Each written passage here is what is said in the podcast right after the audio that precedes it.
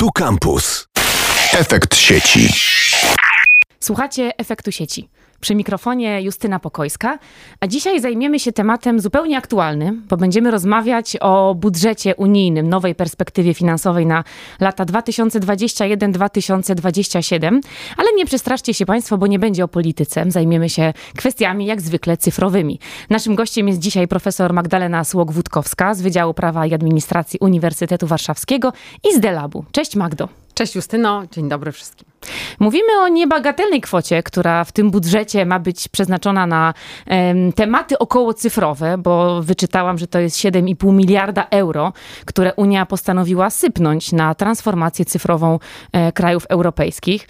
No i mam takie pytanie, e, czy to dobry moment? Właściwie dlaczego teraz rozmawiamy e, na szczeblu unijnym o tych e, kwestiach cyfrowych?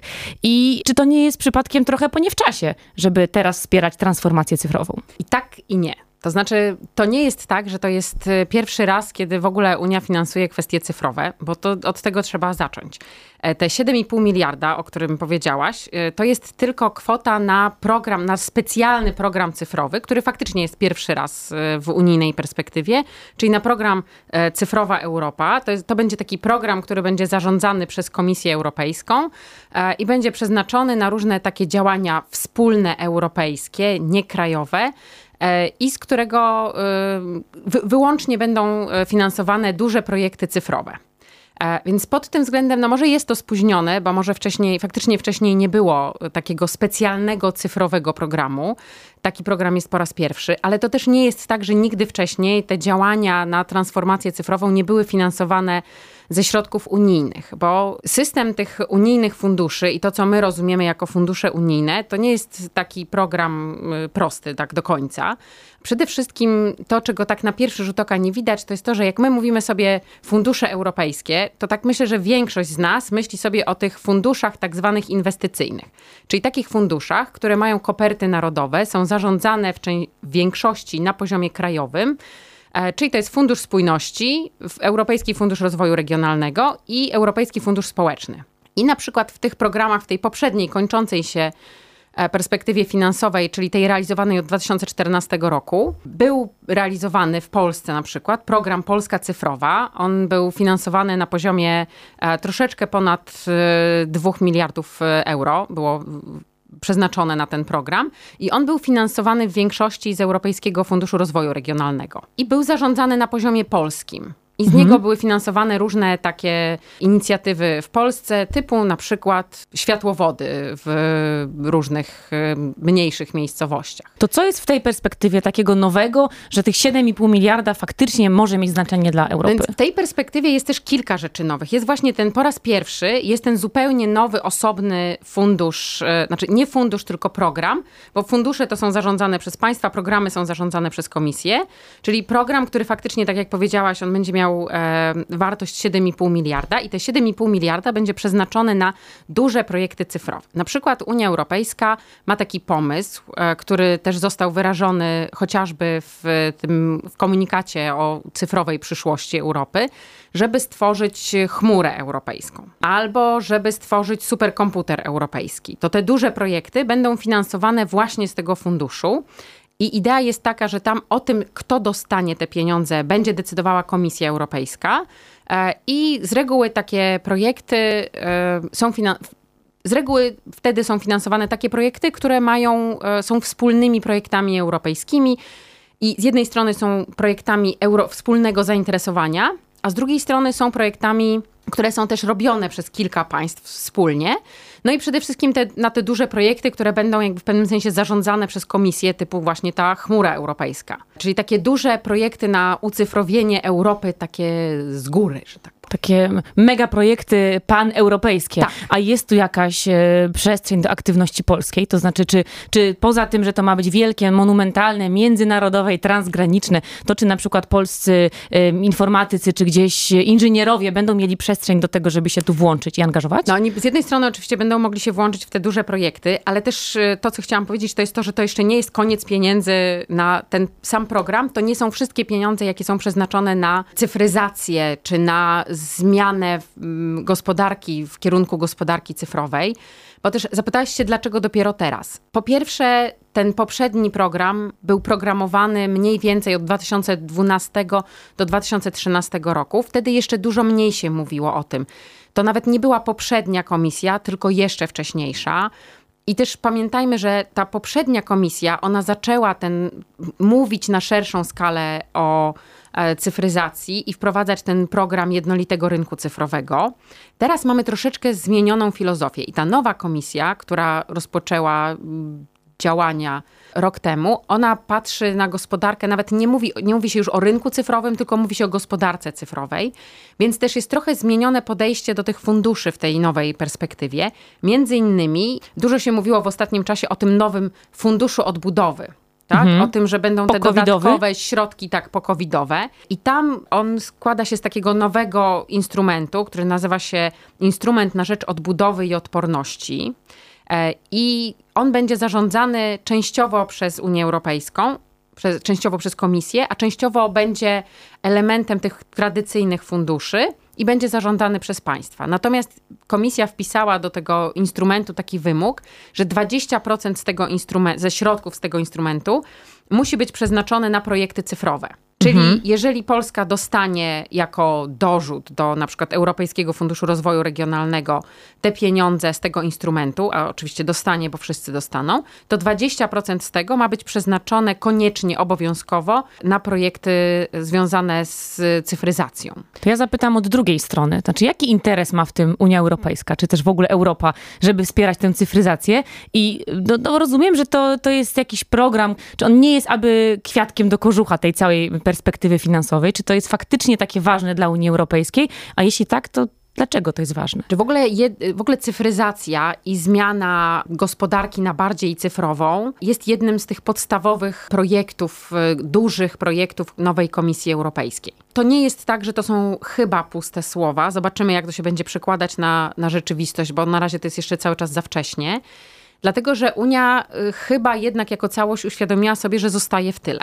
I ta konkurencyjność gospodarki europejskiej, ona jest bardzo silnie zależna od tego, co Unia Europejska jako całość zrobi w zakresie tej nowej gospodarki cyfrowej. No bo oczywiście to nie jest żadna tajemnica, że wszystkie te wielkie giganty cyfrowe, o których rozmawiamy, to nie są giganty europejskie. I Unia Europejska z jednej strony ma swoją, swoją gospodarkę cyfrową i próbę inwestowania w gospodarkę cyfrową, z drugiej strony to jest taka, takie próbowanie zrobienia tego w nasz europejski sposób, czyli z zachowaniem bardzo silnie takich wartości, jak na przykład ochrona danych osobowych, e, czy ochrona konsumentów, czy na przykład odpowiedzialne podejście do sztucznej inteligencji.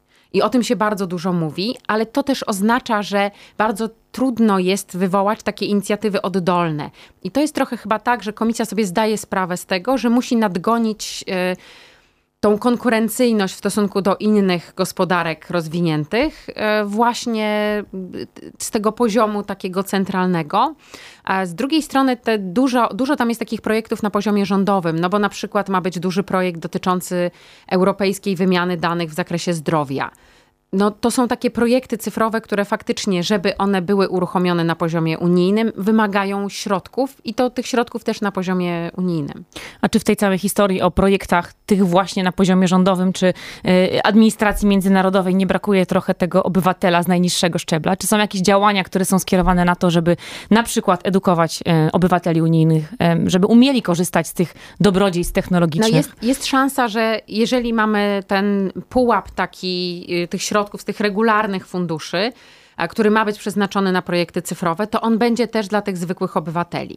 I oczywiście jest tak, że my dalej cały czas, tak jak mieliśmy w tej poprzedniej perspektywie finansowej, to jest jeszcze bardziej akcentowane teraz, mamy te elementy cyfrowe w tych tradycyjnych programach e, unijnych, typu na przykład Horyzont, e, z którego e, mają być finansowane środki, no, którego w ogóle zawsze są finansowane środki na badania i tam też jest wyznaczony kolej, konkretny e, kon konkretny procent, który ma iść na projekty y, związane z innowacyjnością i cyfryzacją.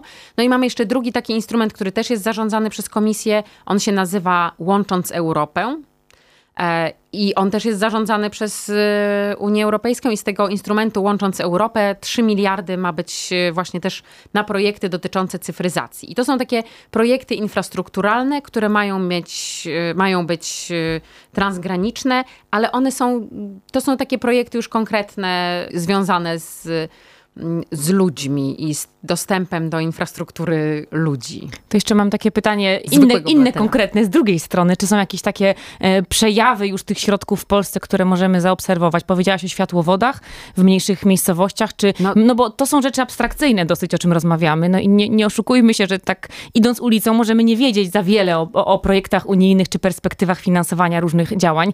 Czy coś możemy zobaczyć w naszym świecie cyfrowym czy analogowym, co zostało właśnie z tego typu funduszy sfinansowane? Znaczy możemy zobaczyć to, co było finansowane w ramach tego poprzedniego projektu. No te, te światłowody to są chyba dlatego, że jakoś tak one do mnie przemawiają, bo ja wiem, że faktycznie widziałam, jak kładli te światłowody gdzieś tam w ramach y, cyfryzacji Mazowsza. I stąd chyba przyszedł mi do głowy taki pomysł. Ale to są wszystkie te takie na przykład projekty na jakieś szkolenia związane z podnoszeniem kwalifikacji osób. To są wszystko z tych projektów, już nie, nie tych wielkich projektów europejskich, nie tych programów zarządzanych przez Unię Europejską, tylko z tych e, programów realizowanych na poziomie krajowym, z tych funduszy takich tradycyjnych. I teraz, no, jeżeli nie mamy jeszcze tych programów na poziomie krajowym, ponieważ e, cały czas mówimy o nowej perspektywie, która zacznie być, e, zacznie obowiązywać od 2021 roku. I to działa w ten sposób, że najpierw jest taki etap programowania, podpisuje się takie duże umowy pomiędzy organami państwowymi a Komisją Europejską. I dopiero później stopniowo schodzi to na poziom tych już konkretnych projektów, które mogą się ubiegać o dofinansowanie. Jest 2025 czy 6, kończą nam się, e, kończy nam się czas na wydatkowanie bo i wtedy kładziemy światłowody wszędzie na całym Nie, nie, Mazowszu. bo cały czas obowiązuje ta reguła N plus 2, czyli e, to jest tak, że te projekty, one są, już nie możemy rozpoczynać nowych projektów od 2021 roku, ale cały czas będą kończone stare projekty, czyli te, które są realizowane. To dla zwykłej osoby to chyba nie jest tak do końca widoczne, z której perspektywy finansowej jest realizowany jaki projekt.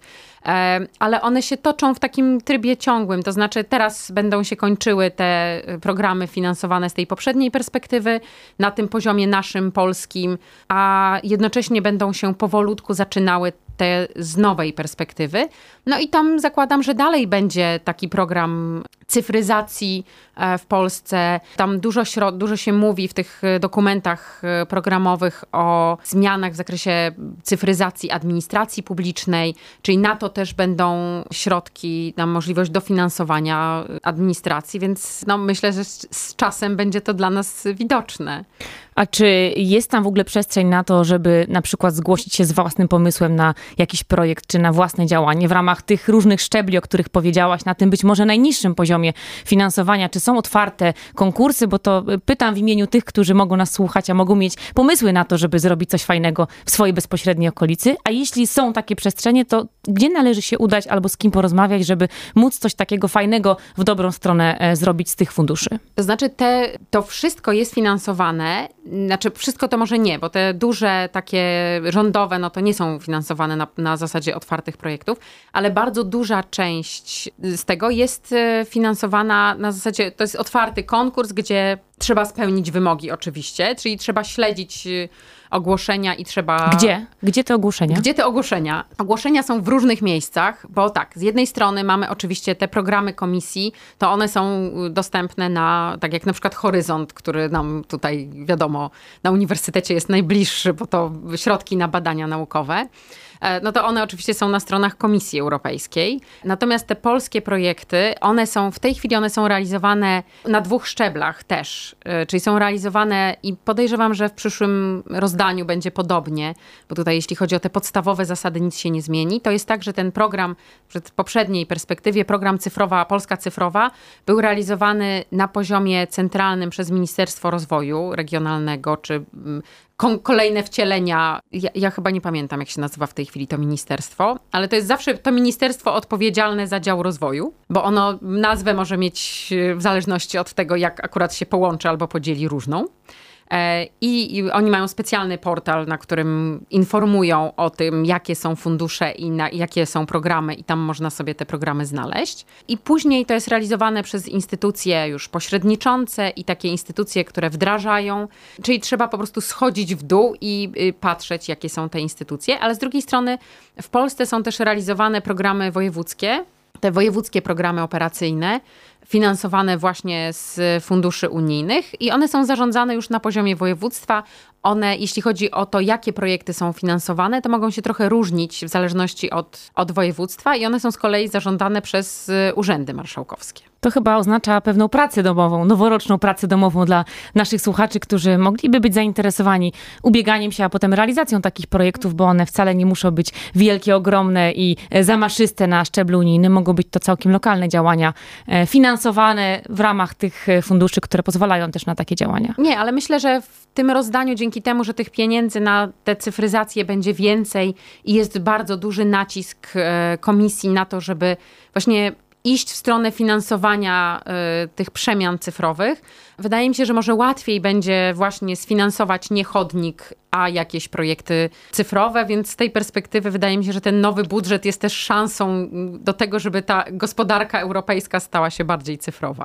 I tym optymistycznym akcentem musimy już zakończyć dzisiejszą rozmowę. Mamy pracę domową, mamy wskazówki, gdzie szukać wytycznych dla naszej pracy domowej. Liczę na to, że za jakiś czas będziemy mogły porozmawiać o bardzo owocnych projektach polskich, które powstały w ramach tych rozmaitych perspektyw, funduszy i innych form e, finansowania działania cyfrowego. Dziękuję Ci bardzo, Magdo, za rozmowę. Naszym gościem była dzisiaj profesor Magdalena Słok-Wódkowska z Wydziału Prawa i Administracji Uniwersytetu Warszawskiego i badaczka Delabu. Dziękuję bardzo. Dziękuję ślicznie, a my słyszymy się w kolejnym odcinku Efektu Sieci. Efekt sieci. Tu Radio Campus.